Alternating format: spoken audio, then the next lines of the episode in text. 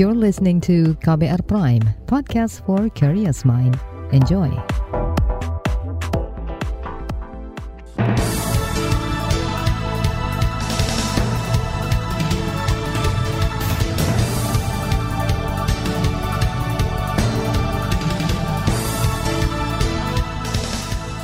Saudara, senang sekali kami bisa menjumpai Anda melalui program Buletin Pagi edisi Senin 31 Oktober 2022 bersama saya Don Brady. Sejumlah informasi pilihan telah kami siapkan, di antaranya pemerintah didesak percepat distribusi obat gagal ginjal akut. Presiden Jokowi sampaikan bela sungkawa tragedi Halloween di Korea Selatan. Pencarian belasan korban kapal ekspres Cantika diperpanjang. Inilah Buletin Pagi selengkapnya. Terbaru di Buletin Pagi. Saudara pemerintah didesak segera mempercepat distribusi obat gagal ginjal akut Fomepizole.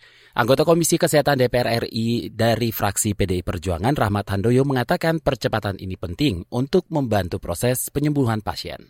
Penyebab dari gagal ginjal akut yang salah satu utamanya adalah karena keracunan, cemaran racun, cemaran obat ini ya. Kemudian setelah melalui berbagai kajian dan teliti dari para ahli farmakologi kita, sehingga obat formimizol ini adalah salah satu atau yang terbaik dari sisi efikasi. Sehingga mudah-mudahan dengan setelah terdistribusikannya keseluruhan kepada rumah sakit yang sudah ditunjuk, kasus dapat membantu kasus-kasus gagal ginjal akut sehingga bisa didapatkan dengan segera proses penyembuhan.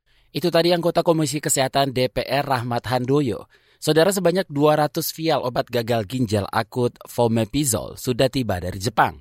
Sabtu lalu obat ini diberikan dengan cara injeksi. Sebelumnya 30 vial obat sejenis juga didatangkan dari Singapura dan 16 vial dari Australia. Sementara itu, juru bicara Kementerian Kesehatan Siti Dandia Tarmizi dalam diskusi daring kemarin memastikan obat Fomepizol akan didistribusikan ke seluruh rumah sakit yang merawat pasien gagal ginjal akut. Nah, Fomepizol sendiri berada di bawah pengawasan dokter spesialis anak, jadi kita memang mengirimkan ke seluruh rumah sakit. Tapi kita pastikan dulu, misalnya di luar dari 14 rumah sakit rujukan, itu rumah sakit-rumah sakit di provinsi lainnya tetap akan kita distribusikan Fomepizol ini, tetapi akan kita latih dulu dokter anaknya untuk mereka bisa menggunakan Fomepizol ini. Juru bicara Kemenkes Nadia Tarmizi mengakui stok Fomepizol masih terbatas, sehingga untuk sementara pendistribusiannya hanya berdasarkan jumlah pasien yang dirawat di rumah sakit. Kemenkes mengklaim Fomepizol mampu mengobati gagal ginjal akut. Obat ini merupakan rekomendasi dari Organisasi Kesehatan Dunia WHO dengan efektivitas mencapai 90 persen. Anggota Ikatan Dokter Anak Indonesia IDAI Dani Hilmanto menyarankan obat Fomepizol didistribusikan ke rumah sakit yang bisa menganalisis kandungan etilen glikol dan di dan di etilen glikol pada pasien. Sebab obat ini hanya dapat diberikan pada pasien yang terindikasi memiliki kandungan dua senyawa berbahaya itu. Dua zat itu oleh Badan Pengawas Obat dan Makanan diduga menjadi penyebab melonjaknya kasus gagal ginjal akut pada anak. Saya kira yang paling penting untuk kota-kota besar, terutama yang ada rumah sakit rujukan tersier dengan fasilitas dialisis terutama rujukan tersier seperti Sadikin, baik disediakan antidotum tersebut. Dan apabila memang nanti teknik pemeriksaan etilen glikol dan dietilen glikol ini sudah sangat mudah dan familiar untuk semua rumah sakit di Indonesia, maka otomatis itu nanti akan diikuti dengan distribusi yang baik dari antidotum fomepizol ini.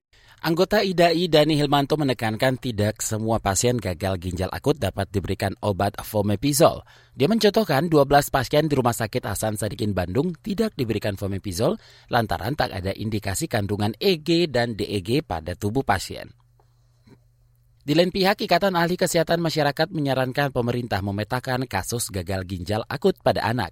Ketua IAKMI Ede Surya Darmawan mengatakan pemetaan harus dilakukan agar pendistribusian obat fomepizol tepat sasaran dan tidak terbuang sia-sia proses penemuan kasus, pendataannya, dan proses reporting itu akan sangat kritikal ya. Karena misalnya obatnya kan kita sebenarnya kalau ini obat masih terbatas, distribusinya harus cepat. Jadi penemuan kasus, pendataan, reporting itu betul-betul sangat kritikal harus dilakukan. Sehingga obat itu tidak satu numpuk gitu. Karena kita tidak berharap sudah obatnya susah kita dapatkan, lalu ditumpuk dengan alasan sesuatu diperlukan. Wah, kalau seperti ini justru yang memerlukan bisa jadi nggak dapat gara-gara obatnya salah tempat. Ketua Yakmi Ede Surya mendorong pemerintah memprioritaskan distribusi obat ke daerah dengan tren kasus tertinggi. Selain itu, pemerintah juga dapat memastikan komunikasi antar rumah sakit tertata rapi sehingga obat bisa cepat diberikan kepada pasien. Dia berharap pemerintah tidak hanya berfokus pada pemberian obat saja, namun juga melakukan pencegahan. Hingga Kamis pekan lalu, penyakit ginjal akut sudah menyerang lebih dari 260 orang. Dari jumlah itu, 58 persen atau 157 di antaranya meninggal. Saudara, hari ini Mabes Polri berencana menggelar sidang etik Hendra Kurniawan terkait kematian Brigadir Yosua. Informasinya akan hadir sesaat lagi, tetaplah di Buletin Pagi KBR. You're listening to KBR Pride, podcast for curious mind. Enjoy!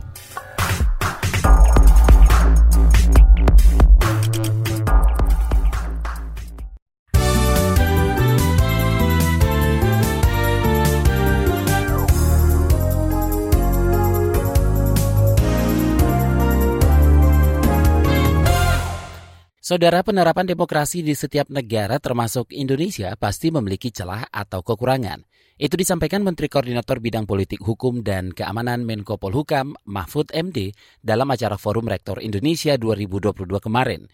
Meski begitu, kata dia, cacat dalam demokrasi di Indonesia tidak lantas dijadikan alasan untuk menggantikan ideologi Pancasila menjadi khilafah. Di semua negara itu cacat demokrasi pasti ada. Di khilafah pun tidak ada bukti bahwa khilafah itu bagus dan aman. Coba lihat sekarang. Tidak ada tuh. Apakah kalau di negara Islam lalu masih terjadi kejahatan, terjadi kudeta, terjadi macam-macam itu lalu Al-Qur'annya harus diganti? Enggak kan? Sama dengan negara Pancasila, terjadi korupsi terjadi. Kita perbaiki bukan lalu ideologinya diganti karena kalau soal kejahatan itu di masjid juga banyak, di gereja juga banyak. Mahfud mengatakan kritik terhadap demokrasi di Indonesia sudah ada sejak era presiden-presiden sebelum Jokowi. Dia mengajak semua pihak untuk berpikir rasional dalam menjalankan demokrasi. Kita ke informasi hukum, Saudara bekas Kepala Biro Pengamanan Internal Maksud kami bekas Kepala Biro Pengamanan Internal Karo Paminal Divisi Propam Polri Hendra Kurniawan akan menjalani sidang etik hari ini. Sidang Komisi Kode Etik Polri itu terkait pelanggaran etik dalam penyidikan kematian Brigadir Yosua Huta Barat atau Brigadir J. Informasi terkait hal itu diungkapkan Ketua Majelis Hakim Pengadilan Negeri Jakarta Ahmad Suhel dalam sidang perintangan penyidikan pekan lalu. Hingga kini belum ada konfirmasi terkait jadwal sidang dari Polri. Namun Kapolri Listio Sigit Prabowo sebagaimana dikutip dari Antara memastikan sidang etik terhadap anggota polisi yang terlibat tetap berjalan hingga tuntas. Dalam kasus pembunuhan Brigadir J ada 20-an polisi yang diduga melanggar etik. Tujuh di antaranya menjadi tersangka upaya menghalangi penyidikan. Kita beralih ke kabar pemilu, lima purnawirawan TNI dan satu purnawirawan Polri bergabung ke PDI Perjuangan menjelang gelaran pemilu 2024. Mereka adalah Ganip Warsito, Agus Setiaji, Gunawan Paki, Saud Tambatua, dan Donar Philip Rompas dari TNI. Sedangkan satu pensiunan Polri adalah Fakrizal. Sekjen PDIP Hasto Kristianto usai memberi pembekalan kader baru PDIP kemarin mengatakan para purnawirawan itu akan mendapat tugas khusus. Ya semua uh, mereka yang bergabung kemudian akan uh, dilatih oleh partai dan mendapatkan penugasan-penugasan khusus di lapangan. Nah, karena skala prioritas saat ini telah menyiapkan HUT PD Perjuangan ke-50 maka uh, di antara mereka yang bergabung ada yang mendapatkan penugasan-penugasan khusus khususnya dari kalangan TNI Polri adalah purnawirawan TNI Polri untuk menggembleng kader-kader partai. Sekjen PDIP Hasto mengatakan para kader baru dari pensiunan TNI Polri tersebut diberikan pembekalan soal ideologi partai, tata kelola, hingga komunikasi politik. Masih soal pemilu, bekas Gubernur DKI Jakarta Anies Baswedan menjejaki kerjasama politik dengan petinggi PKS Ahmad Heriawan. Keduanya bertemu saat acara pelatihan relawan pemerlu pelayanan kesejahteraan sosial kemarin. Anies mengaku membicarakan persiapan Pilpres 2024, namun tidak ada kesepakatan apa pun dalam pertemuan itu pemilu akan ada pilpres. Walaupun yang dibicarakan tadi santai, tidak ada sesuatu yang khusus dalam bentuk kesepakatan dan lain-lain, tapi kita obrolkan tukar pikiran dan prosesnya juga masih panjang. Jadi mudah-mudahan ini menjadi bagian dari kebersamaan kita yang sudah ada selama ini untuk kita teruskan ke depan. Sebelumnya Anies Baswedan telah dideklarasikan oleh Partai Nasdem sebagai bakal calon presiden di pemilu 2024. Beralih ke informasi lain, kereta api cepat Jakarta-Bandung ditargetkan mulai beroperasi pertengahan tahun depan. Itu disampaikan Menteri Koordinator Bidang Kemaritiman dan Investasi Luhut Binsar Panjaitan akhir pekan kemarin. Kalau kereta api cepat saya kira nggak ada masalah ya. Jadi nanti tanggal 16 November jam 4 sore kira-kira itu nanti akan ada dynamic test disaksikan Presiden Jokowi, Presiden Xi Jinping Zoom dari Bali. Luhut mengklaim masalah pembekalan biaya dan kerusakan tanah di jalur lintasan sudah teratasi. Dia optimis pengoperasian kereta api cepat akan berjalan optimal. Kita ke informasi ekonomi, tingkat pengangguran terbuka diklaim menurun dalam dua tahun terakhir. Itu disampaikan Menteri Ketenagakerjaan Ida Fauzia dalam acara temu alumni pelatihan vokasi kemarin. Sebagai informasi, tingkat pengangguran terbuka menggambarkan jumlah pengangguran di periode waktu tertentu terhadap jumlah angkatan kerja. Berdasarkan data BPS, jumlah pengangguran terbuka per Februari tahun 2022 mencapai 8,4 juta orang dengan tingkat pengangguran terbuka sebesar 5,83. Kita bersyukur kalau kita lihat data BPS pengangguran tahun 2020 7,07 persen, kemudian selama 2021 6,2 persen, dan Alhamdulillah atas kerja keras semua stakeholder ini pengangguran kita bisa turunkan menjadi 5,83 persen. Menteri Ketenagakerjaan Ida Fauzia mengklaim tingkat pengangguran terbuka menurun karena keberhasilan strategi peningkatan kualitas SDM. Dia yakin angka pengangguran mampu ditekan pada 2023 di tengah ancaman resesi. Kita beralih ke berita mancanegara, Saudara Presiden Joko Widodo menyampaikan bela sungkawa atas tragedi maut saat perayaan Halloween di Itaewon, Seoul, Korea Selatan. Hingga malam tadi 153 orang dinyatakan tewas diduga terinjak-injak di tengah kerumunan massa yang membludak. Melalui unggahan di Twitter, Jokowi menyampaikan rasa duka mewakili rakyat Indonesia. Presiden berharap korban luka lekas pulih. Saudara acara Halloween itu merupakan yang pertama di Seoul dalam tiga tahun terakhir sejak pandemi. Presiden Korea Selatan Yoon Suk Yeol menetapkan masa bergabung nasional dan distrik A-Town sebagai zona bencana. Masih dari mancanegara, sekitar 100 orang tewas dan 300-an orang terluka akibat dua bom mobil yang meledak di sekitar Kementerian Pendidikan Somalia Sabtu lalu. Ledakan pertama menghantam sekitar pukul 2 siang, bom kedua meledak saat ambulans tiba dan orang-orang berkumpul membantu korban. Dilansir dari Reuters, tidak ada pihak yang mengaku bertanggung jawab atas ledakan itu. Namun Presiden Somalia Hassan Sheikh Mohamud menuding kelompok Al-Sahab yang terkait dengan Al-Qaeda sebagai dalangnya. Serangan ini merupakan yang paling mematikan sejak sebuah bom truk meledak di persimpangan yang sama pada Oktober 2017 lalu. Saat itu lebih dari 500 orang tewas. Beralih ke berita olahraga, PSSI memutuskan mempercepat kongres biasa pemilihan melalui mekanisme kongres luar biasa. Keputusan itu diambil usai petinggi PSSI dan belasan anggota ESCO menggelar rapat pada Jumat pekan lalu. Menurut merujuk aturan, kongres bisa digelar jika memenuhi sekurang-kurangnya 2 per 3 delegasi anggota PSSI yang mengajukan permintaan secara tertulis. Namun PSSI memutuskan mempercepat kongres karena tidak ingin terjadi perpecahan. PSSI akan menyampaikan usulan ke FIFA melalui surat pemberitahuan. Sebelumnya sejumlah klub di Liga 1 mendesak PSSI segera menggelar KLB sebagai bentuk transformasi sepak bola Indonesia usai tragedi Kanjuruhan. Indonesia pulang tanpa gelar pada kejuaraan dunia bulu tangkis junior 2022. Dua wakil merah putih yakni ganda putri Rachel Rose Melias Melisa Trias dan ganda putra Patra Harapan dan putra Erwiansyah gagal di laga puncak yang berlangsung kemarin. Rachel Melisa yang diunggulkan di tempat pertama kalah dua set langsung dari wakil Cina Liu Wang 14-21, 16-21. Sedangkan pasangan Patra Putra kalah dramatis atas ganda, ganda putra Cina Huayu Yizun 18-21, 21-14, dan 20-22. Di bagian berikutnya kami hadirkan laporan khas KBR tentang kisah Julita Sari, karyawan minimarket jadi ahli rehabilitasi satwa. Tetaplah di Buletin Pagi KBR. You're listening to KBR Pride, podcast for curious mind. Enjoy!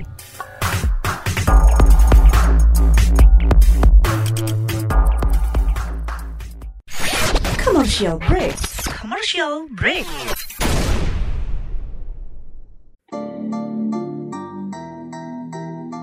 Come on yo, buat yang sukanya berhoax, you better listen to this one. Check this one out yo.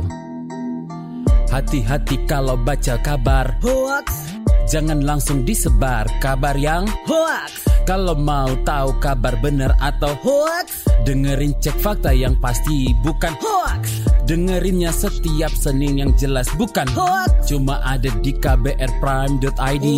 Dan aplikasi podcast lainnya Hoax, Sudah cukup-cukup hoaxnya? Hoax. Cukup Jaga emosi, tahan jari, verifikasi sebelum dibagi. Saya Ari Bowo Sasmito, Ketua Komite Pemeriksa Fakta Mafindo. KBR Prime, podcast for curious mind.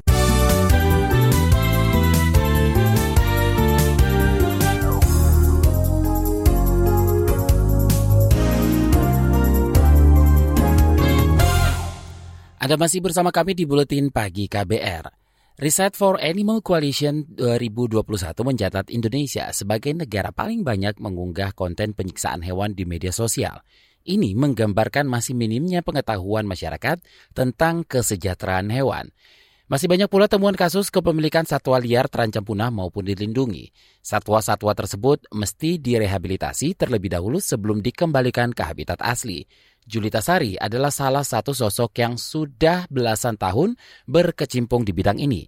Ia belajar dari nol tentang konservasi satwa hingga kini menjabat koordinator pengelola satwa di International Animal Rescue Indonesia. Seperti apa kisahnya? Simak laporan khas KBR yang disusun Valda Kustaridi. Saya awalnya kerja di kayak di minimarket gitu ya, jagain mainan anak-anak. Cuma kebetulan di sebelahnya itu ada kantor yang penyelamatan satwa seperti itu gitu. Lama kelamaan itu diajak kerja gitu, mau nggak kerja di satwa gitu. Julita Sari atau yang akrab dipanggil Yuli terkenang awal mula bergabung di Yayasan Konservasi Hewan International Animal Rescue IR Indonesia pada 2008 silam. Lembaga yang berbasis di Bogor, Jawa Barat ini merehabilitasi satwa liar yang terancam punah agar bisa dikembalikan ke habitat asal atau dilepas liarkan. Tertatih-tatih Yuli belajar dunia baru. Berbekal buku dan poster, ia belajar tentang berbagai jenis primata, mulai dari monyet, kukang, beruk, dan orang utan. Boro-boro gitu kenal sama satwa gitu ya bukan pecinta satwa juga gitu. Saya harus ngapalin gitu di dalam satu kelompok monyet itu misalkan ada 10 ekor gitu. Saya harus hafal nih satu-satu ada namanya gitu. Monyet ekor panjang adalah satwa pertama yang ditanganinya. Nyiapin makanan, sampai bersihin kandang gitu. Bikin enrichment gitu, kayak bikin enrichment itu mainan untuk satwa gitu. Jadi semacam dibikin hutan buatan gitu di dalam kandang. Perilaku tiap satwa dipantau dan dicatat cermat untuk mengetahui tingkat ketidaknormalannya. Ini menentukan seberapa mampu si satwa bertahan ketika dilepas liarkan. Perilaku seperti makan, karena kan kalau monyet ekor panjang itu dia dibikin kelompok dulu. Kalau mau dilepasin ke alam itu enggak sendirian gitu. Jadi kita buat kelompok dulu satu persatu Nah, dari situ kita amatin perilakunya, apa sosialnya sudah bagus. Pengamatan dilakukan selama satu jam, dua kali sehari, pagi dan sore. Profesi ini memberi tantangan dan pengalaman menarik bagi Yuli. Misalnya, ia pernah terluka karena digigit monyet. Sama takut juga awalnya sama monyet gitu kan. Pernah digigit juga gitu waktu saat bersihin kandang digigit gitu kaki padahal itu udah pakai sepatu boot gitu gitu sampai dijahit gitu tujuh jahitan ada kali Insiden tersebut tak menyurutkan semangat Yuli merawat satwa liar. Perempuan asli Sukabumi ini paham perilaku agresif satwa biasanya akibat trauma atau stres yang dialami sebelum masuk konservasi. Kebanyakan primata itu dijual ilegal, mengalami kekerasan, bahkan ditelantarkan pemiliknya. Mereka datang ke IR dalam kondisi menyedihkan. Ada orang tidak bertanggung jawab gitu, tiba-tiba ngelepasin si monyetnya di depan kantor IR gitu. Jadi ya mau tidak mau ya kita ambil gitu. Jadi pemeliharanya itu kondisi kukangnya itu sudah parah gitu. Ada yang giginya itu dicabutin gitu sama pedagangnya gitu. Ada yang datang itu cacat gitu. Mestinya, satwa liar tidak dipelihara manusia karena akan mengubah sifat alaminya. Itu sebab mereka harus direhabilitasi terlebih dahulu sebelum dilepas liarkan. 14 tahun berinteraksi dengan satwa primata, Yuli sudah menganggap mereka sebagai teman baik. Ada namanya kumba kungkum. Itu beruk gitu ya. Jadi si beruk itu sebelum ke tempat rehabilitasi kami itu disimpan di kandang kecil. Tuh yang satu kumba sudah meninggal gitu. Curhat paling kalau saya sama kumba paling curhat kumba gitu. Kesungguhannya merawat satwa juga membukakan kesempatan bagi Yuli terus belajar dan berkembang. Bahkan kayak ikut seminar gitu, simposium primata internasional waktu itu di Botani Square ya. Waktu itu saya presentasi poster hasil penelitian kami di sini gitu dan Alhamdulillah dapat juara tiga poster terbaik gitu. Tak putus-putus, Yuli mengimbau masyarakat agar tak menangkap satwa liar yang terancam punah maupun dilindungi. Jadi di situ juga dikasih edukasi gitu kayak ke warga gitu. Tentang himbauan tidak boleh ngasih makan ke monyet kayak gitu. Kan kalau ngelihat ada satwa diikat gitu, suka bilangin gitu ke orang oh ini jangan dipelihara gitu satwanya diserahin aja BKSDA terdekat. Ia kini bahkan mendapat dukungan dari keluarga. Mereka juga ikut membantu menyebarkan nah, edukasi tentang perlindungan satwa liar. Gitu kan? Tapi sama saya kan dikasih pengertian gitu, oh ini bukan kebun binatang, ini tempat penyelamatan satwa. Gitu. Kayak gitu. Akhirnya si orang tua sekarang menyebutnya anak saya kerja di penyelamatan satwa jadi bangga kayak gitu gitu harapannya orang-orang ini tidak mengambil satwa dari alam dan tidak pelihara satwa gitu demikian laporan khas KBR saya Valda Kustarini Informasi dari berbagai daerah akan hadir usai jeda. Tetaplah bersama Buletin Pagi KBR. You're listening to KBR Pride, podcast for curious mind. Enjoy!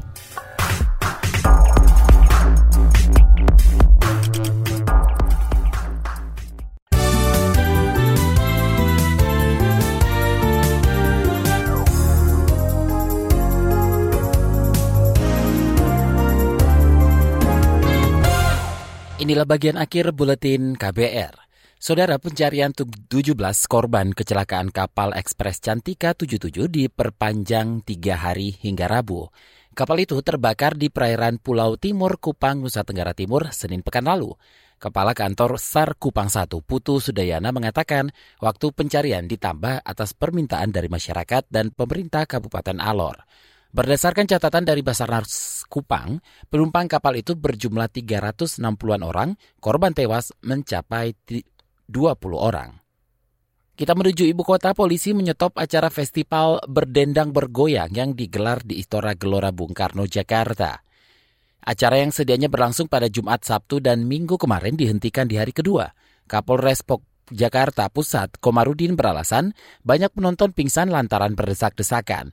Izin keramaian yang diajukan panitia hanya untuk 3 hingga 5 ribu orang, tetapi yang datang lebih dari 20 ribu orang. Namun dari fakta-fakta yang kami temukan sejak kemarin juga sudah uh, banyak sekali pelanggaran yang kami temukan ya dari over kapasitas yang ada uh, termasuk juga jam batas yang diberikan dan tepatnya pada hari ini dengan jumlah pengunjung yang tembus lebih dari di atas 21 ribu Nah ini juga tentunya sangat-sangat berisiko. Kapolres Jakarta Pusat Komarudin menambahkan polisi tengah memeriksa pihak panitia untuk mendalami jumlah tiket yang dijual. Dia memastikan bakal memproses hukum jika ditemukan unsur pidana. Terakhir ke Jawa Tengah, Kapolri Listio Sigit Prabowo menemui sejumlah kiai di Rembang untuk meminta dukungan di tengah kritik yang menimpa Korps Bayangkara. Selengkapnya bersama reporter di jaringan Musyafa dari Radio R2B Rembang. Kapolri Jenderal Listio Sigit Prabowo menggelar pertemuan dengan puluhan kiai di Rembang, Jawa Tengah, Minggu sore 30 Oktober 2022. Kali pertama datang ke Pondok Pesantren Al-Anwar Sarang, kemudian bertemu Gus Baha di Pondok Pesantren Al-Quran Desa Naruan, Kecamatan Keragan. Usai bertemu Gus Baha, Kapolri menegaskan bahwa polisi dan ulama tidak bisa dipisahkan lebih-lebih menjelang tahun politik pemilu 2024 mendatang. Beberapa pengalaman membuktikan bahwa sinergitas ulama dan umaroh dalam hal ini Polri dan ulama itu banyak berhasil dalam menyelesaikan masalah-masalah besar. Salah satunya adalah terkait dengan masalah penanganan COVID kemarin. Dan juga tentunya berbagai kegiatan yang kita harus terus bekerjasama untuk mendinginkan situasi-situasi apalagi menjelang tahun politik. Selepas dari Pondok Gus Baha, Kapolri bersama rombongan perwira tinggi kepolisian menemui 50-an orang kiai yang sudah berkumpul di Pondok Pesantren Kauman, Desa Karangturi, Kecamatan Lasem. Pengasuh Pondok Pesantren Kauman Lasem, Gus Yaim Ahmad Maksum mengatakan, Kapolri berpesan kalangan pondok pesantren lebih kuat lagi mendorong dan mendoakan polisi agar kinerja ke depan lebih baik. Musyafa R2 Birembang melaporkan untuk KBR. Informasi tadi menutup jumpa kita di Buletin Pagi hari ini. Pantau juga informasi terbaru melalui kabar baru, situs kbr.id, Twitter kami di akun @beritaKBR dan podcast di kbrprime.id. Akhirnya saya Don Brady bersama tim yang bertugas undur diri. Salam.